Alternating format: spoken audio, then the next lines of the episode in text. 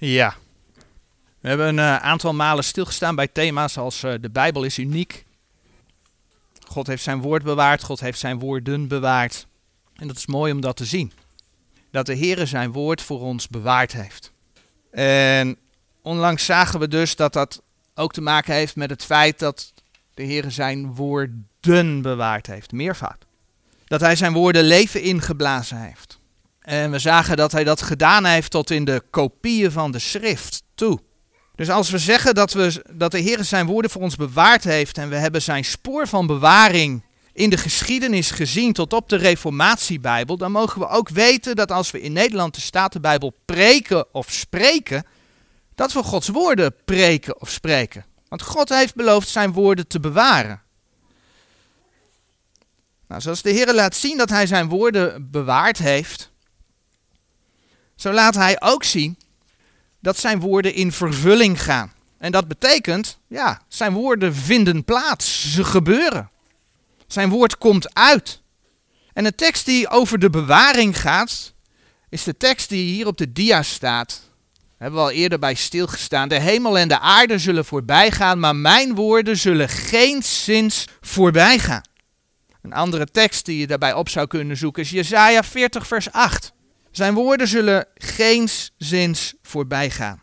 En vervolgens, en die tekst zoeken we samen op, Matthäus 5 vers 18 maakt de Heer duidelijk dat hij niet alleen een verzameling woorden bewaard heeft, maar dat hij dus ook naar die woorden handelt. Oftewel, zijn woorden gaan in vervulling. En in Matthäus 5 vers 18, daar staat geschreven, want voorwaar zeg ik u, totdat de hemel en de aarde voorbij gaan, zal er niet één jota, nog één titel van de wet voorbij gaan, totdat het alles zal zijn geschied. En natuurlijk gaat dit vers over de wet. Dat klopt. Maar daar waar de Heer zijn woorden geeft, bewaart hij ze en vervult hij ze. Maar voordat we verder ingaan op die vervulling, eerst toch nog een keer terug naar die bewaring van Gods woorden. Er zit namelijk nog iets moois in Matthäus 5, vers 18. Er wordt in dat vers gezegd dat er niet één jota, nog één titel van de wet zal voorbij gaan. Nou, wat houdt dat in? Het is een verwijzing naar de Griekse en Hebreeuwse leestekens. De jota in het Grieks of de jot in het Hebreeuws zijn de kleinste letters.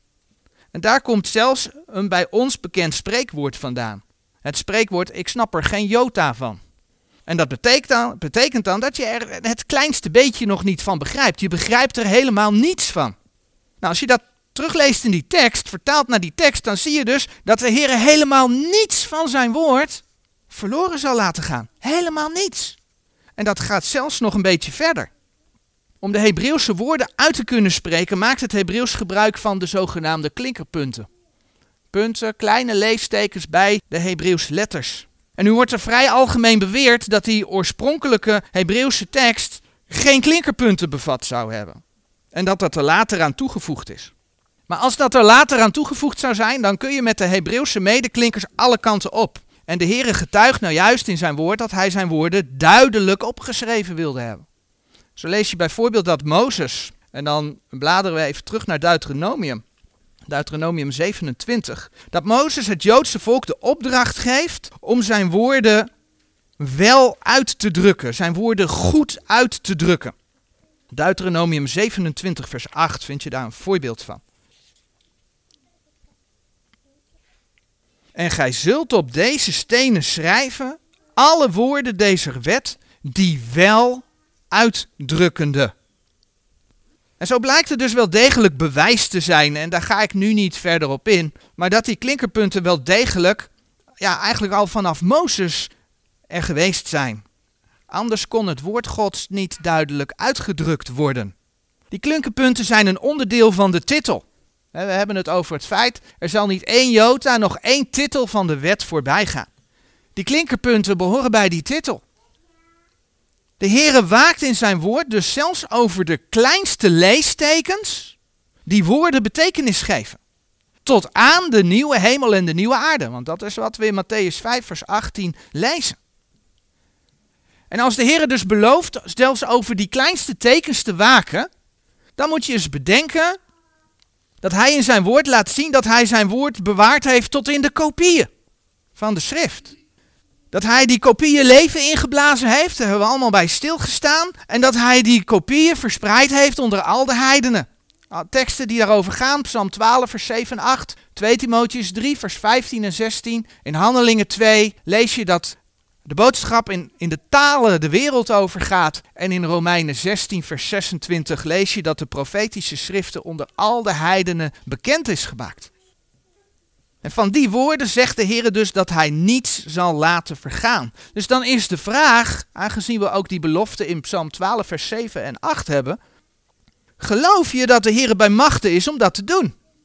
Want bij allerlei beloftes wordt dat vaak wel geroepen. We moeten God vertrouwen op zijn belofte, maar dat geldt dus ook over de bewaring van zijn woorden. Zijn woord laat zien dat het geen enkel probleem is voor de Heer om zijn woorden te bewaren. Dus nogmaals, vertrouw je de belofte die God geeft in zijn woord. Terug naar Matthäus 5, vers 18. Het mooie is dat dat vers zegt dat totdat de hemel en de aarde voorbij gaan, zal er niet één jota of titel van de wet voorbij gaan. En de nadruk ligt nu even op het begin. Totdat de hemel en de aarde voorbij gaan. In het vers ervoor, Matthäus 5, vers 17, zien we dat de Heer Jezus ook uitsprak dat hij niet gekomen was om de wet en de profeten te ontbinden. Dat is dus een verwijzing naar ja, het grootste deel van het Oude Testament. Vele theologen en kerken gaan er veel van uit dat met de eerste komst van de Heer Jezus Gods woord in vervulling is gegaan. Oftewel, ook het boek Openbaring wordt dan vaak toegepast op de eerste komst van de Heer Jezus en op de verwoesting van de tempel in, in, in uh, eh, 70 na Christus. En daarmee plaatsen ze dus alle profetieën in het verleden. Maar het koninkrijk is nog steeds toekomst. De Heer Jezus is nog niet koning geweest op aarde. Terwijl hem dat wel beloofd werd hè, toen hij geboren werd. Ook in de profetieën trouwens in het Oude Testament, maar ook in Lucas 1, vers 32 tot 33. Koninkrijk is nog niet geweest. Als wij hier ongeveer leven op de tijdlijn, dat koninkrijk moet nog komen. Dat komt nog. Zijn voeten hebben nog niet met zijn wederkomst gestaan op de olijfberg. Zacharia 14, vers 4. Met andere woorden, er zijn veel profetieën nog niet vervuld. En dan zegt de Heer dus dat zijn woorden in vervulling gaan, totdat de hemel en de aarde voorbij gaan. Zo laat de Bijbel zien dat er een moment komt dat de hemel en de aarde inderdaad zullen voorbij gaan. Als je in 2 Petrus 3, vers 10 tot en met 12 kijkt, dan zie je daar staan dat de Heer spreekt over de elementen die zullen branden en vergaan. Nou, dat betekent hier de aarde in vuur, voordat de nieuwe hemel en de nieuwe aarde aanbreken, aan het eind van het duizendjarig vrederijk, zal dat gebeuren. Openbaring spreekt ook over zo'n moment, in openbaring 20 vers 11.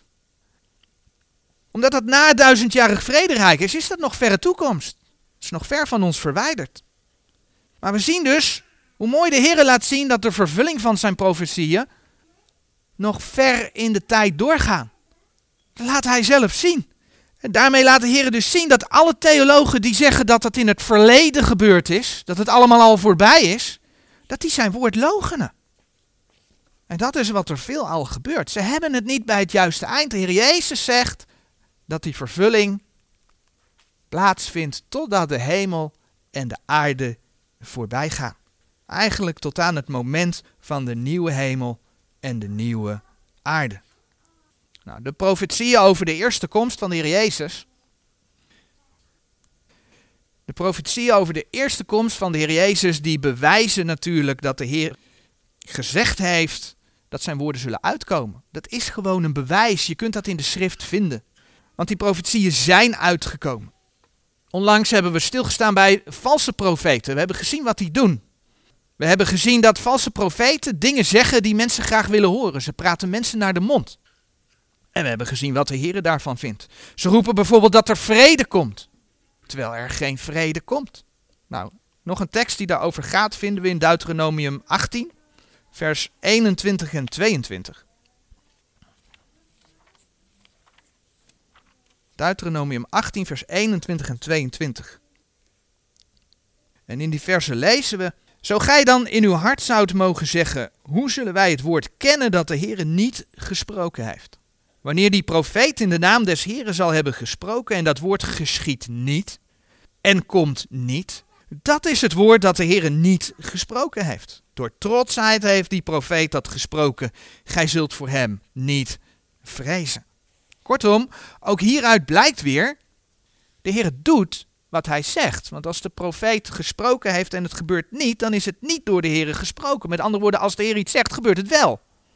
Hij doet wat hij zegt. Een andere tekst, en die zullen we straks nog opzoeken, die daar ook over gaat, is Jezaja 42, vers 9. Zoals gezegd, het bewijs is Gods woord zelf. Als we in Jezaja kijken, Jezaja profeteerde zo'n 200, 700, sorry, 742 jaar voor de geboorte van de Heer Jezus. En als we dan in Jezaja 7 zien de profetie die gedaan wordt. Jezaja 7 vers 14. Over een maagd die zwanger zal worden. Daarom zal de Heere zelf uw lieden een teken geven. Zie, een maagd zal zwanger worden.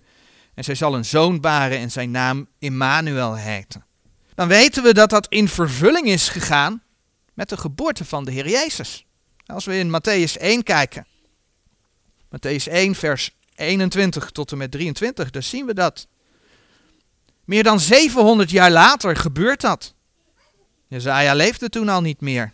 En het is letterlijk uitgekomen. Het is vervuld. Het is gebeurd. Het is geschied. Matthäus 1, vers 21. En zij zal een zoon baren en gij zult zijn naam heten Jezus, want hij zal zijn volk zalig maken van hun zonden. En dit alles is geschied opdat vervuld zal worden hetgeen van de Heer gesproken is door de profeet, zeggende, zie de maagd zal zwanger worden en een zoon baren, en gij zult zijn naam heten Immanuel, het welk is overgezet zijnde God met ons. Jozef en Maria, dat kun je zien in Lucas 1 vers 26, die leefden in Nazareth. Maar de profeet Micha, die mocht van de Heer aankondigen dat de Messias in Bethlehem geboren zou worden. Micha 5. Micha 5, vers 1. En gij, Bethlehem Ephrata, zijt gij klein om te wezen onder de duizenden van Juda. Uit u zal mij voortkomen die een heerser zal zijn in Israël, en wiens uitgangen zijn van ouds van de dagen der eeuwigheid. Ja, als mensen zouden we zeggen, probleempje er was een tijd waarin er nog geen snelle auto's waren. Sowieso, ze leefden in Nazareth, dus waarom zouden ze naar, uh, zouden ze naar Bethlehem gaan? Nou, geen nood. De Heere leidt het zo dat keizer Augustus een gebod geeft dat iedereen moet worden ingeschreven in de plaats waar zijn voorouders vandaan kwamen. Lucas 2, vers 1 tot en met 4. En aangezien Jozef uit het huis en geslacht van David was, reisde hij samen met Maria naar Bethlehem. Want dat was de stad van David. En daar in Bethlehem werd de Heer Jezus geboren. En Matthäus getuigt daar ook van. In Matthäus 2, vers 1. Toen nu Jezus geboren was te Bethlehem, gelegen in Juda, Judea, in de dagen van de koning Herodes, zie enige wijzen van het oosten zijn te Jeruzalem aangekomen. Opnieuw exact zoals de Heere door de profeet Micha aankondigde. En in dit soort dingen je kunt zelfs laten zien dat de Bijbel bepaalde tijdsperioden geeft. De profeet Daniel geeft precies aan hoeveel tijd er zit. Tot aan, uh, op een gegeven moment, tot aan uh, het moment dat de Heer Jezus zou lijden en sterven voor de zonde. Je ziet daar aan dat de Bijbel niet alleen maar een boek is met, ja, om het dan maar zo te zeggen, goddelijke normen en waarden. Maar de Bijbel is wel degelijk een geschiedenisboek. God leidt de geschiedenis. Zo zien we in Psalm 69. Psalm 69, wat ook wel een lijdenspsalm genoemd wordt. Dat er diverse profetieën heen wijzen naar het lijden van de Heer Jezus. Zo heeft de Heer dus ook door de profeet David gesproken. Nou, David leefde zo'n duizend jaar, 1025 jaar voor de geboorte van de Heer Jezus. En in Psalm 69, vers 9, daar lees je: Ik ben mijn broederen vreemd geworden en onbekend aan mijn moeders kinderen. Nou, en dan moet je lezen wat er over de Heer Jezus geschreven staat, meer dan duizend jaar later, in Johannes uh, eh, 7, vers 5. Johannes 7, vers 5. Want ook zijn broeders geloofden niet in hem. Hè? Ik ben mijn broederen vreemd geworden en onbekend aan mijn moeders kinderen. Johannes uh, 7, vers 5 zegt dan, want ook zijn broeders geloofden niet in hem. Gods woord gaat letterlijk in vervulling. En de Heer geeft ook hele kleine details. Bijvoorbeeld dat de Heer Jezus bij zijn lijden edik te drinken zou krijgen. Dezelfde psalm, psalm 69, vers 22, daar lezen we. Ja, zij hebben mij gal tot mijn spijzen gegeven en in mijn dorst hebben zij mij edik te drinken gegeven.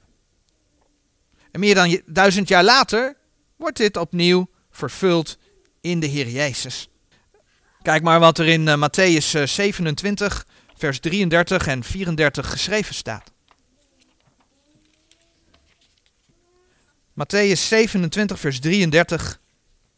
En gekomen zijnde tot de plaats genaamd Golgotha, welke is gezegd hoofdschedelplaats, gaven zij hem te drinken edik met gal gemengd. En als hij dien gesmaakt had, wilde hij niet drinken. Dan zeg je, hij wilde niet drinken. Nou, even later, dat lees je onder andere in Johannes 19, vers 28 en 29, als de Jezus aan het kruis hangt, dan zegt hij op een gegeven moment, mij dorst. En dan geven de soldaten hem edik te drinken. Dit zijn slechts enkele voorbeelden.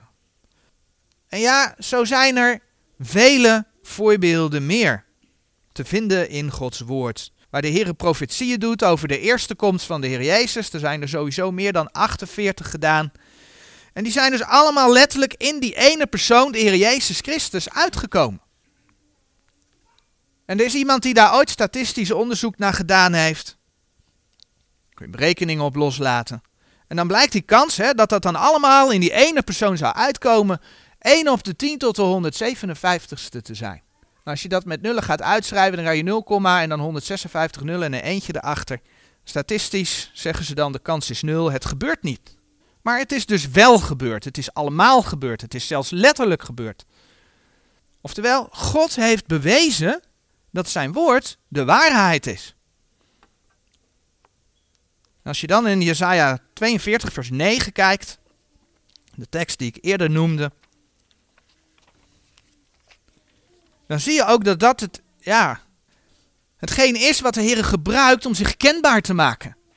Om te laten zien van, hallo, ik ben er, ik ben waar, ik doe mijn woord, ik laat mijn woord uitkomen. Jezaja 42 vers 9. Zie de voorgaande dingen zijn gekomen en nieuwe dingen verkondig ik. Eer dat zij uitspruiten, doe ik uw lieden die horen. Dus voordat die dingen plaatsvinden, hè, de, de, de profetieën, die zijn gedaan zoveel jaar voordat de Heer Jezus geboren zou worden zodat mensen konden zien, ja, het is waar, het gebeurt. God doet wat hij zegt. Ja, en zo heeft de Heer nog heel veel profetieën over de toekomst gegeven, die ook nu nog toekomst zijn. Denk aan het moment, hè, we leven hier in de gemeentetijd, kort voordat de Heer zijn gemeente komt halen, dan komt hij in de lucht ons tegemoet. Wij zullen hem tegemoet gaan. En terwijl wij bij de Heer zijn, zal op aarde de grote verdrukking plaatsvinden. periode van zeven jaar. En aan het eind van die periode komt de Heer terug. Maar hij komt terug met zijn hemelse heerlegers. Openbaring 19. Dan komt hij terug en dan zal hij zijn koninkrijk op aarde stichten. Allemaal dingen die geprofiteerd zijn. Dat duizendjarig vrederijk is in de profeten te vinden. Het is geprofiteerd. Het gaat komen. Zo zeker als, als wat we bij de vorige dia zagen. Zo zeker als dat plaatsgevonden heeft. De mensheid zegt nee, dat kan niet. Ja, zegt God, ik doe het. Hij bewijst zichzelf. Zo zeker gaan die profetieën over de toekomst in vervulling. En ik denk dat de dingen die we vandaag de dag om ons heen zien gebeuren, daar allemaal ook een voorbereiding op zijn en ons ook bepalen bij het feit, ja kijk, de Heer bereidt de dingen voor. Het gaat komen. En daarom mogen wij zeggen, Maranatha. Amen. Ja, kom, Heer Jezus. Amen.